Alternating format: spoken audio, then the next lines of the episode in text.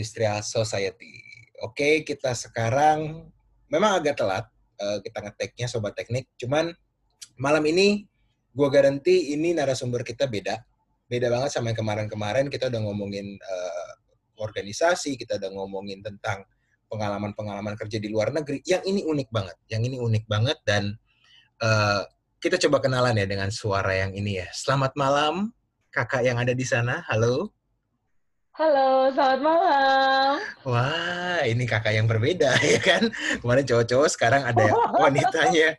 Oke kak, boleh disebutin kak uh, nama panjang kakak mungkin sama nimnya kalau masih apal nih kak? Hafal dong. Okay. Esther Agustina Manurung 9943079.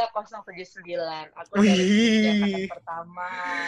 Aduh, ini menarik nih. Kita ngomongin kemarin biasanya suaranya terdengarnya cuman Kak Alphonse 99 juga sama Kak Palti.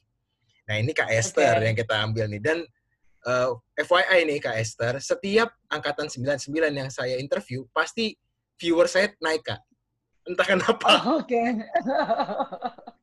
dan um, ini agak menarik nih kalau sama Kak Esther karena uh, kalau saya coba-coba kalau bahasa anak sekarang digging lah ya atau sourcing tentang Kak Esther nih menarik banget Kak. Apalagi Kakak uh, usahanya berbeda banget kan sama teknik industri yang lain kan kak. Mm-hmm. Nah, boleh cerita nggak kak di tahun 99 itu sebelum ke usaha kakak ya, itu perkuliahannya kayak gimana sih kak? Jadi begini, uh.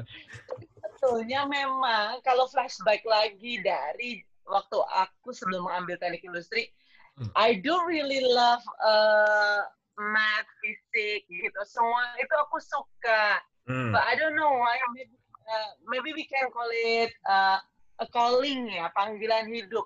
Jadi okay. justru pas aku kuliah, aku jadi memang dari kecil aku ke dance. Aku suka dance dan aku mau bayangin memang aku akan hidup as a professional like kerja di sekuler gitu kan. Mm. Tapi nggak tahu kenapa emang udah jalan hidupnya kali ya. Begitu aku bener-bener uh, kuliah justru di situ aku tambah serius nari mungkin kalau okay. teman-teman angkatan 99 tahunnya aku di kelas tidur oh gitu karena huh? aku tidur aku tidur itu karena aku capek latihan setiap hari malam itu aku pasti dance ya kan oke okay. terus uh, tapi uh, aku suka bidang teknik industri um, aku inget banget ada dosen Bapak almarhum ya sudah ya Suarif Arifin. Aku okay. tahu deh. Aku udah udah nggak dapet sih Pak Suarif Arifin tahu. Hmm.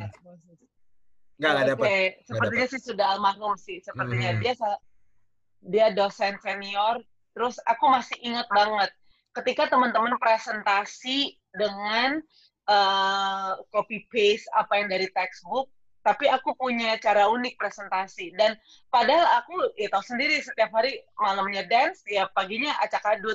Tiba-tiba Pak Pak Suari Farifin suruh aku presentasi. Terus dia bilang saya suka mahasiswi ini. Dia cerdas dia bilang gitu dalam hati aku. Oh, oh tiap hari tidur gitu kan. Ternyata dia bilang e, cara kamu presentasi dulu tuh kayaknya semua serba textbook atau 99 Moses coba yeah, yeah, kan yeah. dari yang namanya digital, kita internet aja masih ngantri ya kan di perpustakaan. Mm-hmm. Tapi aku bikin presentasi di depan itu pakai draft, pakai diagram. Which is orang-orang tuh biasanya cuma catat, terus taruh di slide. Yeah. Udah, kalau aku nggak tahu kenapa aku presentasi tuh aku bikin kolom, aku bikin draft dia bilang ini cara berpikir yang seperti ini praktis. Dia bilang begitu. Ini masih cerdas. Dari situ tuh aku ketawa aja setiap inget itu. Tapi timbul dalam hati aku aku ini bukan cerdas kali atau apa ya? Tapi aku bilang aku ini kreatif ah, gitu. iya. Kuncinya di situ ya kak. Nah. jadi kan kuncinya kan kreativitas kakak nih. Dan uh, kalau boleh tahu nih kak kakak tuh ngedance dari umur berapa ya kak sebetulnya aku dari kecil yang tadi aku bilang. Aku dari uh. kecil bener-bener dari early childhood. Aku tuh uh, tradisional ballet modern semuanya aku aku suka dan aku mau suka seni gitu. Okay. cuma jadi aku tuh kayak yang aku dapetin sekarang ini justru yang ini aku bagikan. Makanya aku kemarin senang banget ngobrol sama Bu Vivi uh, akhir-akhir ini aku justru merasa banget ternyata aku ini kombinasi Cile antara otak kanan dan otak kiri gitu Moses. Jadi ternyata aku nih separuh diriku nih teknik banget, akurasi data gitu. Separuh lagi tuh aku art, feeling, touch gitu. Okay. Jadi kalau aku kebetulan partner aku kan juga rata-rata businessman. Uh-uh. Nah, kalau aku ngobrol sama mereka melulu soal seni itu nggak bakal masuk. Yes. Karena pasti mereka nanya soal BIP, mereka pasti akan nanya net profit dan segala macam.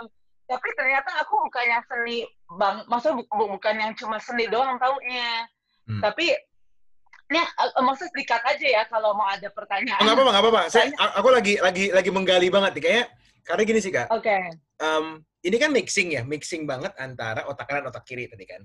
Dan mm-hmm. ini agak-agak menggelitik nih kak, karena aku juga sebenarnya awal-awal itu mestinya masuk ke seni uh, ini kayak uh, film gra film grafi lah, kayak sutradara lah. Aku sebenarnya mestinya masuk IKJ. Oh. Okay. Tapi okay. karena mindset orang tua aku, bokap teknik mesin, okay. nyokap teknik elektro, jadinya masuk teknik industri. Jadi seninya nggak dapet. Okay. Tapi akhirnya di kampus jadi jadi uh, ini ketua fotografi lah di kampus waktu itu sempat. Tapi kan okay. ini kan kakak Esther kan bener-bener nge-mix nih dari awal sukanya nari dan uh-huh. pernah kepikiran nggak sih kak kenapa jadi gini yang aku belum dapat nih kenapa milih teknik industri kenapa nggak milih IKJ atau enggak uh, yang bener-bener uh, buat penari lah gitu loh sekolah buat penari kayak di film-film tuh kan banyak tuh sekolah buat penari Kenapa nggak ke sana malah yeah. ke iya. teknik industri? Sama seperti yang tadi Moses bilang, aku kan uh, perempuan bagusnya nurut sama orang tua, seni mau hidup dari mana? Iya, yeah, iya. Yeah, nah, yeah. tapi ternyata uh, akhirnya aku paham ternyata seni di Indonesia kenapa kurang maju karena itu Moses terlalu seni. Jadi okay. segala sesuatu yang nggak ada kombinasi antara otak kanan dan otak kiri, kiri itu ya. kurang. Ya aku lihat ya makanya uh, aku apalagi di pandemi ini akhirnya aku bener-bener realize gitu loh mau okay. dia bisnis kayak mau dia kerja kayak kalau dia masih mahasiswa kayak sekolah ibu rumah tangga apa pun profesinya kalau dia tuh nggak bisa kombinasikan antara akurasi data dengan feeling touch humanity itu uh, kurang kurang efektif jadi gini singkat cerita aku uh, lihatlah uh, misalnya banyak orang seniman gitu ya, hmm. uh, dia melulu soal seni. Tapi gimana menggarap seninya itu dari sudut yang tadi, dari aspek uh, finance, dari hmm. aspek uh, bagaimana produksi itu berjalan. Sudut pandang seperti itu kurang. Akibatnya apa? Boleh dibilang seni di Indonesia kurang maju. Coba deh, aku terkaget-kaget waktu aku punya pengalaman ke Amerika kan. Hmm. Itu begitu aku nonton balet, itu mereka benar-benar istilahnya tuh company gitu loh. Uh. Coba kalau di Indonesia balik company mana ada gitu. Sehingga orang dulu taunya bakal boncos, bangkrut, gak bakal berkembang. Yeah, nah yeah. di sini aku paham kalau segala sesuatu tuh cuma feeling touch juga nggak bisa. Tapi kalau uh, perusahaan semua kayak mesin apa kayak hitung-hitungan semuanya serba exact gitu. Hmm. Akhirnya uh, apa ya? Uh, sentuhannya sama customer juga kurang, apa-apa soal untung rugi, padahal uh, sebuah produk itu kalau ada sentuhan manu kemanusiaannya lah apalah namanya, aku tetap percaya itu akan justru lebih uh, bisa eksis. Nah, jadi ketika aku berpikir ini harusnya sebuah bidang yang dikembangkan bisa lebih profesional. Dan aku bersyukurnya aku ketemu sama dalam perjalanan kehidupanku dari aku yang cuma jadi singkat cerita aku di tengah uh, galaunya mau masuk sorry mau kerja waktu itu ditawarin beberapa perusahaan sampai bergain gaji hmm. segala macam tapi karena aku semasa bikin skripsi aku udah mulai ngajar sana sini kok aku berpikir enggak deh aku mau ngajar aja gitu aku nggak ngerti oh. kenapa aku merasa calling aku tuh di situ oh aku bentrok sama orang tua nggak diajak ngobrol setahun mau jadi apa gitu kan yeah. tapi iya. benar kalau kamu itu calling kamu huh? bertahan aja uh, dan kalau kamu bisa bertanggung jawab ya aku sih nggak bisa bilang aku udah sukses sukses banget cuma I enjoy gitu yes. I, I enjoy my career gitu karena yang paling penting kan kita bahagia dulu gitu betul betul tapi sekarang bagaimana caranya bahagia tapi bisa hidup jangan bahagia tapi nggak punya uh, penghidupan kan iya, iya, iya. itu bakalan amsyong juga sehingga akhirnya pelan-pelan aku diketemuin Tuhan lah aku yakin banget tuh campur tangan Tuhan orang-orang yang entah dari mana jadi mentor aku banyak banget aku sehingga hmm. sekarang akhirnya jadi sebuah kalau aku bilang sekarang uh, ya school ya company karena yes. kita tuh hmm. udah kita tuh udah bikin uh, oh ya examnya kita tuh certificationnya dari London wow. terus kita ya jadi murid-murid itu istilahnya kalau lulus sekolah kan cuma satu degree istilahnya. Yeah, yeah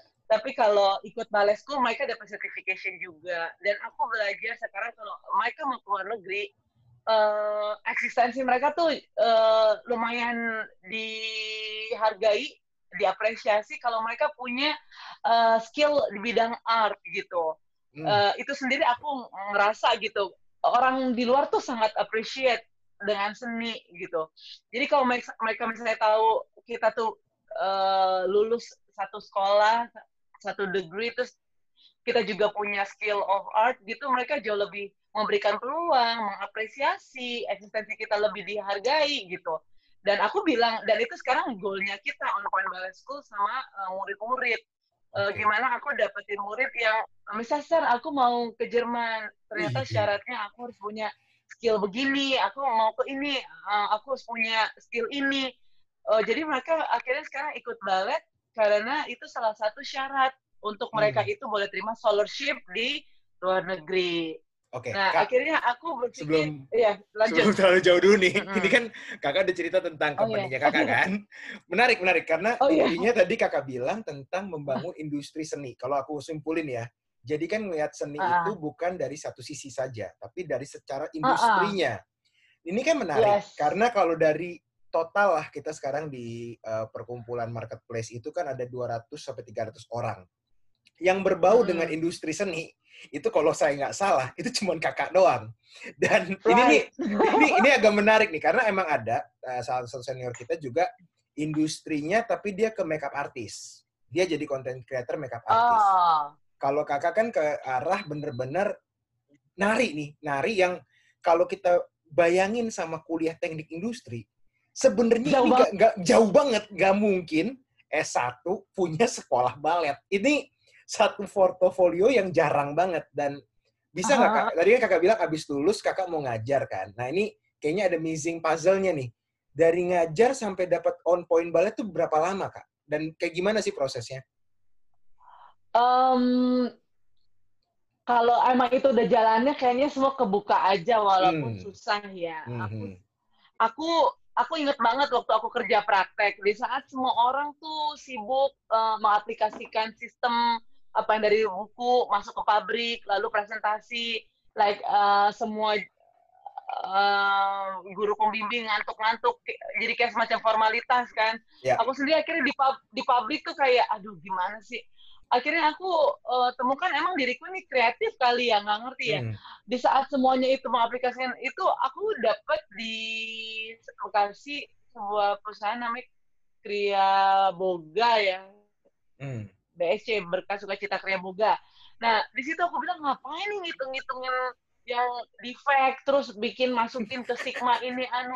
Ah nggak mau aku bilang. Ini sebetulnya alat. Ini textbook banget you know what? Akhirnya aku ambilin itu katanya banyak banget yang defect. Terus defect hmm. digini-giniin segala macam dihitungin nggak mau ah hitung-hitung itu aku ancurin lagi terus aku bikin cookies. Cookiesnya justru aku bikin produk baru aku uh, kasih ke teman-teman jadi tiap hari di kampus tuh aku uh, bukan jualan cookies tapi cookies yang buat penelitian aku aku sampai ke IPB wow. jadi di saat uh, iya jadi aku tuh malah ngegodok kue ya kan hmm. aku malah hmm. bikin kue aku malah kasih itu kue hmm. di saat orang-orang ngitung apa yang di textbook aku nggak mau gitu akhirnya aku paham di saat itu aku bilang kayaknya aku di pabrik nggak tahan deh ah hmm. bakalan deh aku bisa bosen banget kecuali itu pabrik bisa aku acak-acak aku bikin percobaan aku bikin uh, penelitian aku hmm. bikin hmm. apa gitu nah terus akhirnya uh, sejak saat itu aku anehnya justru aku dapat lowongan pekerjaan guru balet itu dari Atma Jaya. Jadi aku oh. uh, ke FKIP. Uh-huh. Iya, di FKIP itu kan ada uh, ada lowongan pekerjaan. Oke. Okay. Dari situ aku lamar jadi guru balet justru dari FKIP itu uh, ada sebuah sekolah butuh guru balet. Nah semenjak saat itu sampai sekarang akhirnya aku nggak pernah sama sekali kerja di kantor mana pun. Jadi start dari tahun 2004 aku lulus sampai sekarang aku nggak pernah ganti perusahaan, nggak pernah pindah ke mana pun, nggak pernah kerja di mana pun, bener-bener on point banget. Jadi 2004 itu aku bener-bener uh, apa ngajar di tempat les itu. Mm-hmm. Jadi selang berapa bulan kemudian aku cetuskan itu on point ballet school. Jadi nggak lama-lama sih. Jadi makanya umur kita udah 16 tahun. Wow. Jadi right wow. after aku lulus, lulus ya. Gitu, Wah, gila. Menarik sih Kak karena karena kalau aku lihat angkatan 99 ya, memang ini selain angkatan pertama, pekerjaannya juga unik-unik angkatan 99 ini. Dan dan kreativitasnya tuh yang kayak wow ngeri-ngeri banget. Dan uh, tadi satu sih satu banget yang yang satu key point banget nih buat sobat-sobat teknik. Teknik industri itu benar-benar fleksibel tapi tergantung cara ngelihatnya kalau ngelihatnya cuma dari wow. sisi textbook itu nggak salah. Tapi memang tergantung orang mau ke mana kan kak. Ini yang ini yang kadang-kadang bingung nih orang itu mau ke mana. Dan memang uh, kalau kalau aku juga skripsi aku juga tentang fotografi kak. Walaupun depannya strategi marketing menggunakan SWOT ya kan? Oh, uh, akhir akhirnya ke sana juga. Dan uh, yang kayak Esther tadi bilang nggak nggak semuanya memang harus textbook gitu loh. Harus ada yang secara passion atau secara panggilan kita tuh yang membuat itu bahagia kan kak? Dan kalau aku lihat on point ballet nih deket rumah aku aja aku kan di daerah uh, ini loh kak deket Geraha. Itu ada mereknya kakak tuh di situ tuh. Deket daerah Geraha itu kalau nggak salah. Di mana? Di mana? di daerah Tangerang Selatan ada ada ada logo kakak on point ballet aku pas mikir gila juga ya bisa sampai ke sini ya logonya gitu loh. Entah kakak join atau gimana aku kurang tahu deh. Tapi kayaknya cabang kakak udah udah banyak banget ya kak sekarang di ya, mana? Di di aku di film Lati Mas BSD Uh, aku di itu um, deket apa namanya tuh Sensia, Sensia Park. Oh iya, Sensia, Sensia Park ya ada. Itu kan di dekat dekat, dekat Gading Serpong kan, Kak? Iya, iya. Iya, iya, iya, iya, Nah, itu aku juga ngeliat ya, tuh. Iya. Itu kalau ngebuka cabang tuh awalnya okay. dari mana sih, Kak? Dari Bekasi atau langsung banyak gitu, Kak? Jadi dari Bekasi cuma mouth to mouth. Jadi orang tuh kalau misalnya mau buka misalnya gini, mereka punya properti tapi mereka punya bisnis juga, hmm. terus mereka juga punya uh, space, terus mereka kayak uh, supaya bisnis itu nggak sepi kan kalau cuma satu produk yang dijual, let's say bilang mereka di bawahnya tuh ada uh, JNE, lantai duanya ada resto, lantai tiganya mau diapain? Nah kadang-kadang mereka hubungin aku baru nanti kayak sistemnya freelance gitu oh. apa uh, apa ya aku kasih uh, sumber dayanya gurunya programnya terus nanti franchise kok freelance franchise oh. jadi mereka uh, kasih properti uh, apa uh, staff yang kerja jadi kita kayak bikin project barengan kayak gitu Hmm, oke okay, oke. Okay. Dan memang kan uh, kalau aku lihat kan uh, on point ballet ini kan benar-benar uh, sekarang nih kak ya, aku ngeliatnya kan IGTV-nya lanjut, lanjut, live Instagramnya lanjut ya kan kak. Emang kondisinya sekarang belum ada kelas fisik ya kak ya? Ya itu tiap hari ya? Tiap hari jam 4. Oh, oke, okay, oke. Okay. Dan sekarang masih online terus kan, Kak, di masa Covid gini, Kak? Online terus, iya. Dari Maret sampai sampai ya sampai Covid ini benar-benar mereka boleh masuk lagi. Kita udah ketemu fisik, cuma orang tua masih masih suka takut. Hmm. Cuma aku mikirnya, akhirnya aku ber, berpikir lagi, aku akhirnya begini, Moses jadi emang bener-bener di teknik industri ini kayaknya kita nih pola pikirnya tuh harus berkembang, berkembang, berkembang. Karena kita kan kayak misalnya nih mau ngembangin sesuatu, yeah. terus kita rasa nih kurang, kembangin lagi yang lain, apalagi dipikirin lagi, peluang apa lagi, apa lagi, hmm. apa lagi gitu kan. Hmm. Jadi nggak boleh berhenti di satu di satu step aja. Nah, akhirnya aku berpikir uh, balet ini kayak instrumen sebetulnya, uh, Moses. Jadi hmm. pada dasarnya nanti walaupun akhirnya mereka tidak memilih menjadi penari itu nggak masalah yang penting mereka udah belajar uh, ilmu-ilmu kehidupan yang banyak banget dipetik dari balet itu sendiri karena khususnya orang Indonesia masih belum bisa menerima bahwa seni itu bisa jadi sumber penghidupan. Hmm. Itu gak ada masalah. Yang penting nilai-nilai mereka pelajari kayak uh, mereka bersosialisasi, mereka memperbaiki postur, mereka gimana bisa uh, percaya diri, mereka bisa menghargai orang lain dan temennya banyak hal lah yang mungkin mereka kurang dapetin di regular school. Nah, jadi pas di masa COVID ini, aku berpikir kalau cuma balet doang nih kayaknya nggak bisa nih, membosankan. Sementara anak-anak stuck di rumah. Akhirnya aku eh, dan teman-teman berpikir apa ya? Oh ternyata anak-anak seneng banget sekarang, apalagi digital kan. Mereka hmm. seneng di expose, bisa hmm. makeup artist. Jadi dengan ballet school mereka akhirnya aku buka wawasan bahwa kamu tidak perlu malu untuk menunjukkan pada dunia ini. Sekarang kan nggak ada tembok lagi nih. Semua ya. orang bisa akses gitu. Betul. Jadi mau kamu make upnya masih berantakan. Jadi mereka tuh ada yang dari kecil udah bisa make up, ada yang bisa masak, ada yang bisa storytelling, ada yang bisa nyanyi, ada yang uh, bisa K-pop. Jadi semua nggak cuma ya? balet. Iya, jadi aku ingin hmm. orang tua tuh merasa uh, one stop service gitu. Jadi okay. di on point ballet mereka akhirnya nggak nggak stuck cuma ballet, nanti akan membosankan. Jadi hmm. emang bener yang Moses tadi bilang, teknik industri itu bikin kita jadi apa ya, luas banget gitu. Emang ya. peluang itu kan juga luas ya, tergantung hmm. kita gimana bisa nangkep dan memanfaatkannya. Ya karena kalau kita lihat uh, selama, kalau saya sih kak, selama juga di teknik industri, sebenarnya industri seni ini nggak pernah disentuh. Kalau menurut saya ya kak, nggak nggak terlalu banyak disentuh oh, di zaman-zaman even sekarang lah, saya juga berani gambling. Sekarang juga nggak banyak yang nyentuh bagaimana kita ngebuat industri seni ya. Karena kan semuanya kan pasti kan kalau udah masuk teknik industri, wah udah pasti kiblatnya manufaktur lah, sistem produksi dan lain-lain lah.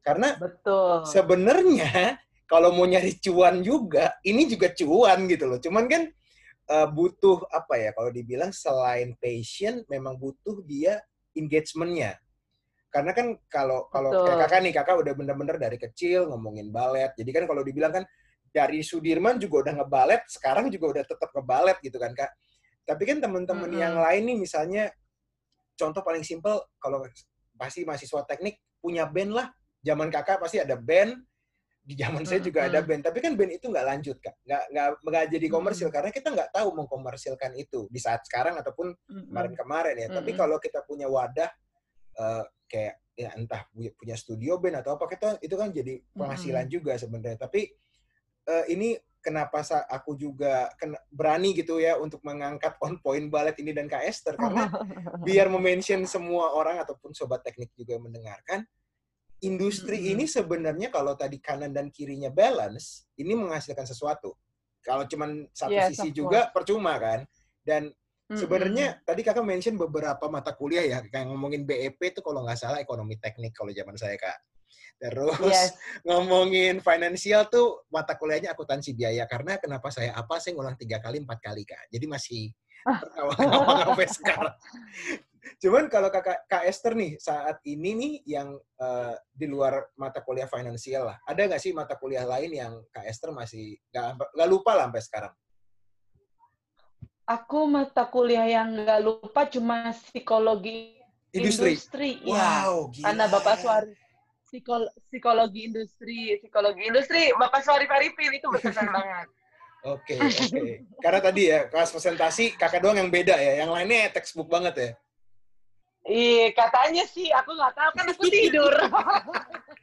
Tapi memang kalau kalau ngomongin mata kuliah kita memang unik sih kak. Mata kuliah teknik industri itu unik. Hukum perburuan dibahas, psikologi dibahas, marketing hmm. dibahas, finansial dibahas. Jadi memang hampir hmm. semuanya ada. Tapi nah ini kan uh, berarti on point ballet udah ongoing terus nih kak. Uh, kalau boleh hmm. tahu nih kak, planning di 2020 atau 2021 kayak gimana sih kak di on point ballet kak?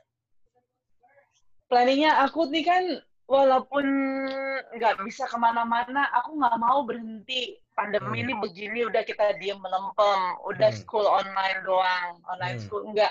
Aku mau tetap ada konser. Jadi Oktober ini kita tetap bikin konser, tapi yang tadinya lima ratus ribu orang di satu gedung, iya konser, tapi yang nonton cuma parentsnya doang. Oh ya, oke oke oke oke.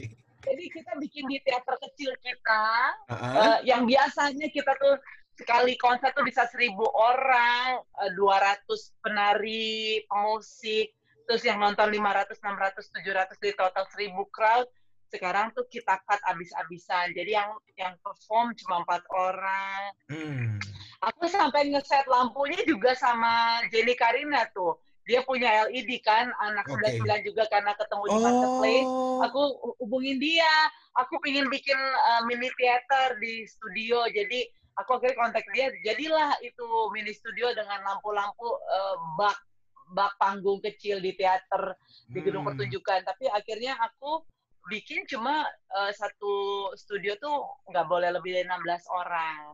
Jadi target kita kita tetap harus berproduksi apa pun yang terjadi tapi dengan protokol kesehatan yang benar-benar kita uh, ketat quality controlnya. Hmm. Jadi di hmm. dalam gedung itu cuma ada 16 orang dan kita semua staf guru yang kerja tuh kita udah memberikan report kalau kita negatif COVID karena kita juga ikut rapid test. Hmm. Itu online nggak kak nanti konsernya kak? Uh, iya, jadi uh, kita sharing juga lewat Instagram sama Facebook. Nanti ada dua, bagi yang nggak mau ke teater, mereka uh, Zoom ya, mereka Zoom. Nah, tapi aku connect ke uh, YouTube dan Instagram hmm. sama Facebook.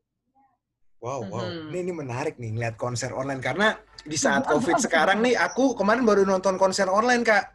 Harga tiketnya murah lah, hmm. cuma dua puluh ribu, tapi kita dapat eksklusif di YouTube. Jadi uh, secara tampilan juga oke okay, dan memang zaman sekarang orang juga pingin ikut konser tapi takut-takut juga kan kak untuk mm -hmm. uh, datang gitu ya. Dan kalau yeah. ini ini ya nanti yang show anak-anak usia berapa kak? Kalau boleh tahu kak nanti anak yang konser. Dari umur 6 tahun sampai 18 tahun. Tapi uh, ada dua kan. Jadi ada yang zoom. Berarti mereka nggak di teater, mereka di hmm. rumah. Karena ada orang tua yang nggak mau juga keluar dari rumahnya. Hmm. Terus kayak yang mereka berani step out ke apa ke studio. Uh, mereka yang tampil di satu sesi cuma empat orang let's say bilang ada 100 yang tampil, jadi aku harus standby 25 sesi. Wah, banyak banget, banyak banget. Bulan, iya, iya. Akan ke uh, konsekuensi, jadi ya hmm. gitu deh. Cuma serunya sih, akhirnya kita belajar bikin produksi tanpa kru sama sekali yang dari luar. Biasanya kita uh, ada kru panggung yang begitu banyak. Biasanya kan kita di Gedung Kesenian Jakarta, Ciputra Trainer. Hmm. Dan sekarang totally kita nggak sama sekali. Nah, sekarang gimana kita akhirnya akhirnya seperti yang aku pernah share juga di Instagram teknik industri ya. Hmm. Sekarang nih waktunya nggak bisa lagi bilang aku nggak ini bukan job desk aku nggak bisa. Hmm. Sekarang satu guru harus bisa juga jadi crew production, harus bisa juga jadi usher, harus bisa juga jadi quality control, Betul. harus bisa juga jadi teacher. Semua jadi begitu. Akhirnya nanti setiap produksi kita jadi seperti itu. Nah, mudah-mudahan tahun depan aku tuh pinginnya mengirim anak-anak beasiswa. Aku lagi ada koneksi juga mau uh-huh. ngobrol sama mentor aku. Jadi di Nanyang itu kan ada NAFA, Nanyang uh, um, Academy Fine Arts. Jadi uh, beberapa anak murid uh, mentorku tuh udah ke NAFA, ya kan? Okay, okay. Di Nanyang itu anak-anak yang mau balet nggak perlu lulus SMA kalau mau kuliah di sana. Jadi hmm. let's say bilang umur mereka masih 15, mereka bisa ambil beasiswa dengan cara uh, ikut audisi. Nah sekarang tahun ini aku pengen konser, tahun depan kalau memang pandemi ini uh, tetap ada, tapi kita tetap bisa memberangkatkan anak dengan cara protokol yang bagus, aku kepinginnya mengirimkan dari On Ballet School ke Nanyang untuk dapat beasiswa. Begitu. Kak, ini kalau ngomongin tentang beasiswa, tentang balet gitu ya Kak ya. Aku coba pertanyaan konyol aja nih Kak. Ada nggak sih Kak usia-usia 20-an atau 30-an join balet gitu Kak? Ada dong. Waktu itu ada orang Rusia malah datang umurnya 35 join. Jadi balet itu kan seni, seni itu tak terbatas. Hmm. Mentor aku suka bilang kayak gini, sebetulnya seni itu nggak ada penilaian bagus atau jelek kalau hmm. akhirnya nanti ada juri yang bilang A bagus, ada juga juri yang bilang B yang bagus. Hmm. Tapi karena dunia ini membutuhkan uh, posisi satu dua tiga, makanya ada exam, hmm. ada ada nilai. Padahal sebetulnya enggak. Jadi um, aku senangnya seni itu apa ya membuat semua orang tuh diakui keberadaannya.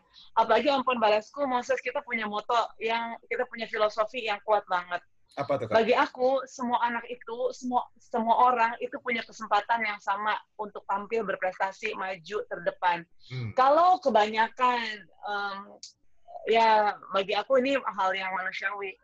Kalau yang paling bagus, yang paling cantik, yang paling langsing, yang paling putih, nah biasanya itu jadi prima balerina.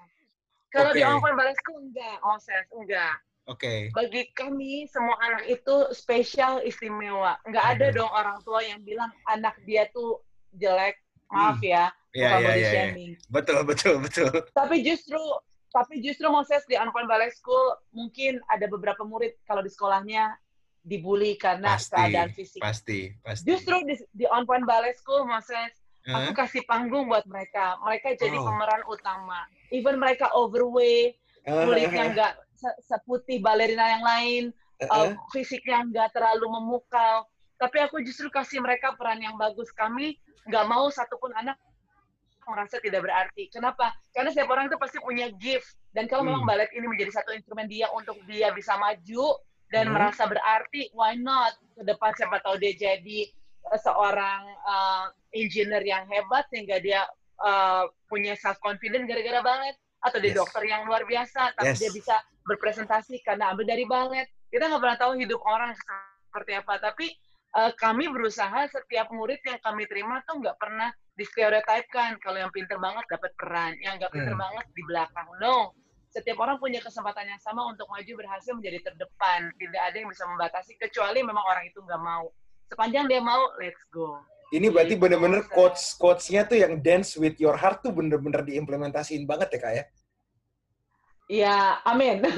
itu soalnya aku kalau kalau kemarin diging kan di website kakak tuh ada tulisannya tuh dance with your heart dan aku baru ngerti pas kakak jelasin bahwa mau kayak gimana pun kondisi fisik kita, mau kondi, mau kayak kita menari seperti apa, tapi ketika kita melakukan dengan hati kita, itu penilaiannya memang bisa bebas gitu loh kak. Jadi ini yang kadang-kadang di pekerjaan juga ya kalau kita melakukan dengan hati kita ya semuanya akan menjadi baik gitu kan kak tapi kalau ada yes. keterpaksaan, ada ke yes. menggerutu, ya pasti hasilnya hmm. juga susah. Dan kalau ngomongin hmm. seni ya udah pasti dengan hati sih. Karena tanpa hati ya seni itu nggak akan timbul sih kan? Enggak, iya. Bener iya. ya? Cuma kalau, iya benar, benar banget. Tapi kalau cuma hati melulu, eh, ya. nggak uh, ada pecuan. Iya, nggak kalau hati doang tanpa Jadi, usaha cuma mimpi ya, iya. ya kak? Yes, jadi ya itulah tadi otak kanan otak kiri. Yes, yes. Dan kalau um, kenapa aku tadi nanya umur berapa? Soalnya kan siapa tahu sobat teknik yang baru lulus ataupun masih kuliah ngedengerin podcast ini, jangan pernah takut untuk memulai. Misalnya masa kecilnya sama kayak aku nih kak, dia dia pinginnya sekolah balet tapi nggak dikasih sama orang tuanya ya kan? Dia ya, mau coba ya, lagi ya, ya. ya. Masih banyak jalan menuju Roma tapi tergantung kalian sendiri mau ngejalanin itu atau enggak? Atau ya hidup dengan ya sudah yes. kapan kelima. Padahal kalau passionnya itu nari kan sebenarnya dia nggak usah malu. Karena zaman sekarang mungkin film nari banyak banget ya kak. Kayak aku ngeliat yeah. di Netflix juga banyak. Terus sebelum sebelum hmm. ini kalau ngomongin tentang step up itu juga banyak banget serinya. Dan menurut yeah. aku tuh beda zaman uh, aku dulu waktu masih kecil. Karena dikit banget penarinya. Yang aku tahu cuma Batavia Dancer. Di Gebiar, di Gebiar BCA oh. sisanya nggak nggak nggak nggak terbuka kayak sekarang gitu loh kak Esther dan Iya, iya, iya. Dan ya. kalau di tempat nge-gym juga sekarang kan modern dance juga banyak kan dan ya, uh, banyak ya, teman-teman yang benar. menurut aku sih pingin sebenarnya balet ya mau cewek mau cowok apa pun itu selama lo punya passion dan sekarang fasilitasnya udah banyak kan ada on point ballet ada sekolah-sekolah dance yang lain tapi ini iya. tergantung ya. tergantung willingness ya kak ya dan kalau untuk usia tua tuh ada kelas sendiri gak sih kak atau dia harus gabung jadi, sama yang kecil-kecil? Jadi ada adult class juga, cuma karena uh, yang adult class cuma di Bekasi aja, jadi hmm. teman-teman mungkin bisa ikut yang online. Karena aku juga setiap kelas, jadi gini maksud on point ballet school sendiri karena memang banyak yang dikerjain, hmm. jadi uh, untuk mereka yang dewasa kita ada namanya on point cardio dance. Jadi oh, uh, teman-teman okay. yang udah usia dewasa, ibu-ibu di cardio dance itu aku kasih kayak ada hip hopnya, ada cardionya, ada baletnya. Terus uh, kalau mereka yang mau uh, sewa kostum, on point designer, kalau mereka ada yang perlu perlengkapan uh, property dance, ada di on point ballet shop. Terus kalau okay. mereka juga ada, ya kalau mereka lebih kayak komersil, butuh uh-huh. buat entertainment, uh-huh. mereka ke on point dancer. Oke. Okay. Jadi uh, banyak ya jadi wedding, uh-huh. ada ya ya ada launching produk, terus ada yang butuh buat party, terus butuh entertainment, nah itu ke on point dancer mereka yang butuh education di balletnya ke on point ballet school. Jadi emang okay. kebagi-bagi ada beberapa gitu. Uh, sobat teknik yang dengerin, gak usah bingung. Tinggal buka IG-nya On Point Ballet School, semuanya udah dimention di situ. Jadi yang tadi On Point Ballet Universe, On Point Ballet Cardio Dance, ini saya juga baru paham nih. Oh, Cardio Dance tuh buat ibu-ibu. Jadi baru baru ngeh gitu. Oh iya, iya. Terus On Point Ballet Shop juga ada. Jadi ah, ah. sobat teknik tinggal buka aja uh, di IG On Point Ballet School. Di situ semua ada di mention, tinggal buka satu-satu uh, linknya itu akan nyambung semua dan uh, saya juga langsung ngecek nih memang benar ibu-ibu. Ini tapi di Bekasi doang ya kak, yang kardio ya kak? Iya. Okay. Iya, tapi itu kita uh, setiap kita latihan itu kita IG-nya oh, ada kok. Jadi aku kasih free kalau ada yang mau belajar di rumah. Jadi ikut aja uh, streamingnya gitu. Wow, wow. Menarik sih, ini menarik sih. Mm -mm. Sayangnya mungkin nanti ya, yang bapak-bapak jangan ngeliatin videonya doang, olahraga gitu kan. Jangan cuma ditontonin ibu-ibu di sini. Iya, menarik, menarik, menarik. Dan uh, Kak Esther, mungkin uh, the last question nih Kak, the last question. Um, dari aku, uh, kalau uh, yang dari kakak nih tadi kan uh, mimpinya secara on point banget segala macam. Nah ini untuk yang mungkin punya anak-anak balita lah kak. Kan biasanya kan usia-usia angkatan aku kan usia 35, 33 udah pasti punya anak kan kak. Untuk mengajarkan hmm. anak nih yang tadi nih uh, pertama kali nih untuk dia mencintai seni kan kita kan kayak tebak-tebak buah manggis nih kak. Usia yes. dua atau tiga ya. Sebenarnya dia sukanya tuh ke ke piano kah, ke nari kah? Ada tips gak sih kak buat kita bagaimana sih menyalurkan uh, bakat anak kita gitu kak di usia dini lah, di usia balita lah kak? Nah, kebanyakan uh, orang tua kesalahannya, kalau menurut aku ya, mm-hmm. mereka tuh karena memang suka bidang tertentu, anaknya di, diminta untuk ikutin apa maunya dia. Mm. Nah, sementara anak kecil itu kan suka bereksplorasi. Jadi kadang-kadang yang menurut orang tua udah tepat nih, belum tentu juga itu yang dipinginin anaknya. Betul. Jadi dari, daripada sibuk menebak-nebak, lebih uh-huh. baik. Nah, ini sih saran aku aja. Uh. Jadi uh, dia ikutin aja beberapa hal yang memang orang tua memang uh, rasanya pingin nih. Misalnya let's say bilang vokal, uh, piano, drawing sama ballet. Nggak apa-apa ikut empat-empatnya karena memang menurut aku sendiri apa tes bakat juga belum tentu akurat. Kenapa? Oh. Karena anak dengan per, anak dengan perkembangannya dengan komunitasnya, dengan daerah sekelilingnya, dengan uh, pertumbuhan dia, dia berkembang terus sampai mana sampai akhirnya dia memutuskan mau yang mana. Jadi daripada sibuk menebak, kalau saran aku ikutin aja mau hmm. empat empatnya kadang-kadang ini nggak bakat nih uh, nyanyi, eh suara dia bagus banget. Hmm. hmm, hmm. Hanya karena orang tua yang nggak support atau orang tua menganggap oh, ngapain jadi penyanyi? Eh ternyata dari penyanyi juga banyak kok yang sukses. Yeah, yeah, yeah, yeah, bukan yeah, cuma yeah, survive yeah. tapi menghasilkan banyak. Jadi saran aku buat orang tua murid ikutin aja beberapa. Memang itu uh, harga uh, yeah, we have to pay the price gitu. Yes, yes. cuma itu yang paling efektif kalau menurut aku. Karena tes hmm. bakat yang tadi aku bilang sekalipun masih kurang akurat Uh, jadi biarkan anak itu nantinya sendiri akan seleksi alam. Saya bilang diikutin empat, akhirnya nanti dia sendiri akan memilih gitu. Hmm. Kalaupun nanti dia anggot-anggotan, kadang-kadang anak-anak kan anggot-anggotan. Iya, iya betul nanti betul. ada titik tertentu akhirnya dia uh, stick kok sampai kayak murid-murid aku sampai mereka kuliah. Jadi mereka sampai 10 wow. tahun lebih tuh ikut terus sama aku gitu. Jadi sampai waktu akhirnya waktu yang memisahkan tempat yang memisahkan. Hmm. sepanjang mereka mau disupport aja. Penting banget orang tua untuk mensupport apa bakat anak. Karena uh, sekarang tuh regular school nggak jadi patokan anak itu jadi sukses berhasil. Yang tadi lagi kalau dia bisa jadi engineer tapi dia buka studio why not? Iya sih. benar-benar gitu deh Wow, ini ini ini ngebuka banget nih, ngebau kan aku juga udah punya anak satu kan kak. juga tadi mikir-mikir gitu kan. Oh iya, umurnya kan yang paling kecil tuh dua setengah tahun sampai empat tahun ya kak kalau nggak salah yang baby class ya. Yes. Ya ini kan dia kan sebenarnya kan ya ya bener kakak bilang kadang-kadang kita jadi orang tua kan nebak-nebak buah manggis kan padahal buat anak sendiri. Aha. Tapi itu tips yang gok yang menurut aku make sense sih. Itu make sense banget karena kalau kita nggak support dari sekarang dan atau enggak kita udah menjuruskan satu aja salah juga belum tentu dia suka kan kak. Dan ini untuk sobat-sobat teknik yang dengerin ya benar sih ini menurut aku juga pribadi nggak nggak dilakukan sama mungkin orang tua aku di kemarin-kemarin gitu. Karena kan mereka cuma mikir ah fotografi mau jadi apa? Padahal sekarang laris banget yang mau jadi fotografi ataupun sutradara tuh gila banget sekarang kan. Memang ini otak kanan otak kiri kita harus balance sih dan memang kesempatan harus dibuka dari sejak usia dini ya kak Esther ya halo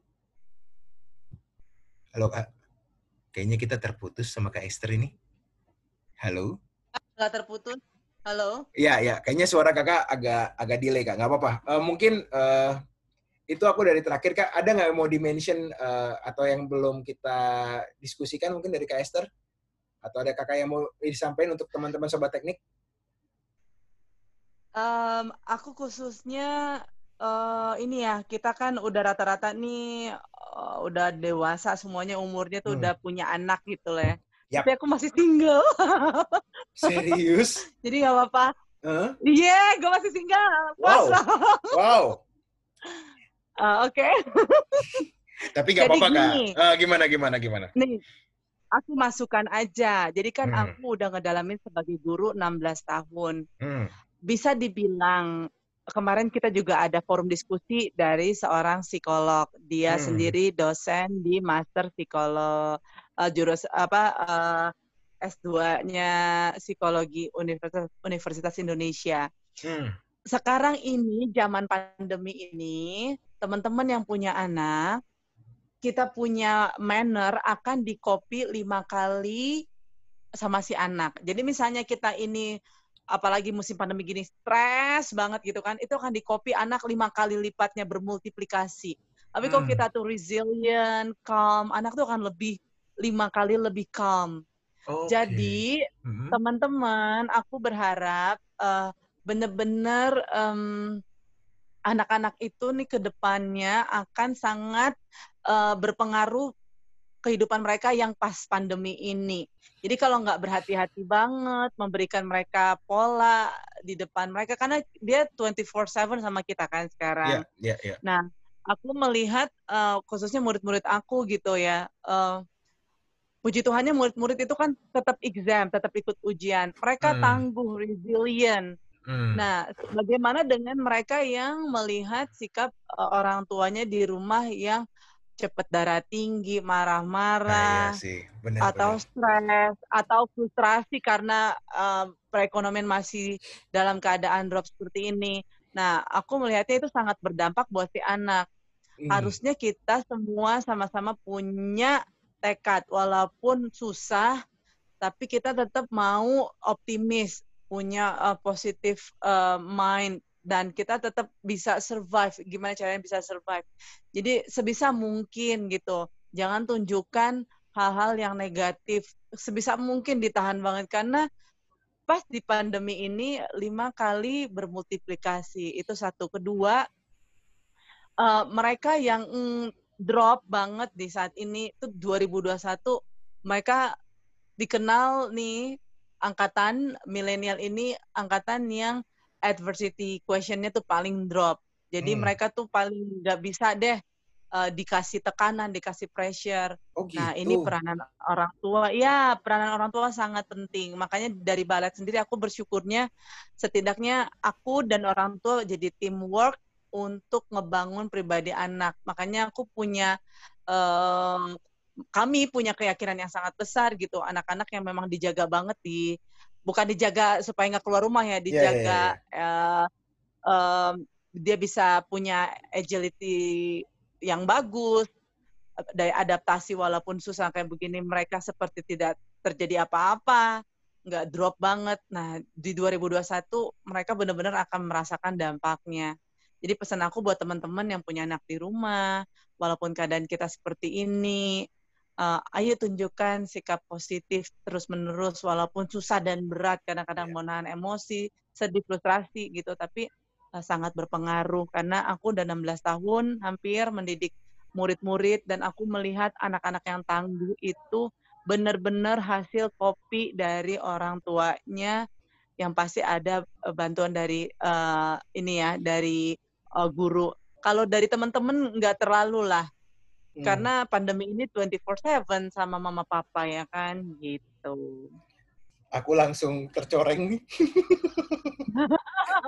karena biasanya memang kayak hari ini nih malam udah pulang kantor capek. Bener sih, stres itu tuh susah untuk kita eh, memang sobat teknik yang lain juga pasti juga mengalami hal yang sama dan masukan dari Kak Esther ini menurut gue uh, bukan yang nggak bisa kita implementasi ini bisa. Ini karena masih under kontrol kita. Walaupun stres bukan yeah. yang kita pinginkan siapa soalnya siapa sih manusia yang pingin stres? Sebenarnya nggak ada. Tapi uh, kita dikasih kesempatan sama Tuhan untuk tetap hidup dan untuk tetap berinteraksi sama keluarga kita. Selama kita masih mm -hmm. sehat walaupun kita sakit tapi benar juga ketika anak-anak ini ngelihat kita. Karena ya nggak jangan jangankan masa pandemik sih kak waktu kita masih kecil juga kita mencontoh juga orang tua kita baik itu benar uh, dia melakukan hal yang positif ataupun iya. ada yang negatif benar. ke kita pasti kita akan mengcopy paste secara tidak sadar di usia-usia remaja ataupun dewasa jadi menurut Betul. saya uh, terlepas tadi risetnya seperti apa hal yang kita lakukan di rumah akan tercermin ke anak itu konkret banget dan kita butuh satu way out lah sebenarnya way out ketika ya tadi bisa masuk ke sekolah seni ataupun sekolah yang uh, bisa ya. mendidik karakter atau apa pun itu di masa pandemik sekarang karena kadang obat obat itu obat yang menyenangkan itu kayak jalan-jalan ataupun ngebeliin dia sesuatu itu cuma sementara sih kak. Tapi bonding ataupun cerita ataupun setiap hari 24/7 itu yang mereka nggak punya kan. Itu itu nggak bisa dibeli, dibeli pakai uang kan. So, so tahu banget. Padahal baru berumah tangga pun 4 tahun. Jadi belum belum jago-jago banget. Cuman ya belajar dari Netflix aja lah sama teman-teman. Oke. Okay. Ya karena untuk ya karena untuk jadi engineer, untuk jadi apa pun ada sekolahnya, untuk jadi parents nggak ada sekolahnya dan dituntut sempurna. Itu berat Aduh. banget jadi orang tua. Aduh, kita juga pernah mengalami kak dari usia SD sampai SMA sampai kuliah, kamu harus jadi juara kelas ya, kamu harus begini, harus begitu, harus. Ya, jadi uh, karena kan kita nggak bisa bilang ekosistem kita sama dengan ekosistem anak kita, karena itu beda banget generasi 90-an, 2000-an 2010 sekarang udah masuk 2020 itu udah jauh banget. Jadi kalau dibilang harus sama kayak orang tua ataupun kakek nenek kita udah sebenarnya sih nggak konkret, nggak sama. Iya. Yang exactly. jadi meter itu kan saat ini kan. Jadi ini lumayan loh. Padahal kita nggak nggak nggak nyeting ada ada parent talk ya, tapi ada parent talknya lumayan buat tambah konten. Jadi uh, sobat teknik uh, kita set thanks lah ke Kak Esther. Moga-moga Kak Esther uh, sehat usahanya lancar terus dan kalau mau menghubungi Kak Esther cukup di IG ya Kak. Di IG ada semuanya lengkap. Di saya ulangi okay. lagi di On Point Ballet On School. Uh, di IG-nya lengkap banget. Kalau mau ngelihat Kak Esther juga ada di situ, ngelihat uh, uh, penari-penarinya dari situ semua. Thank you Kak Esther atas waktunya. Kita bisa lanjut lagi ya Kak di sesi-sesi yang lain di podcast kita ya. Oke, okay, mau Moses. Thank you banget teman-teman. Thank you Moses. Thank you Sobat Teknik. Thank you Kak Esther. See you. Bye. See you. Bye. Yeah.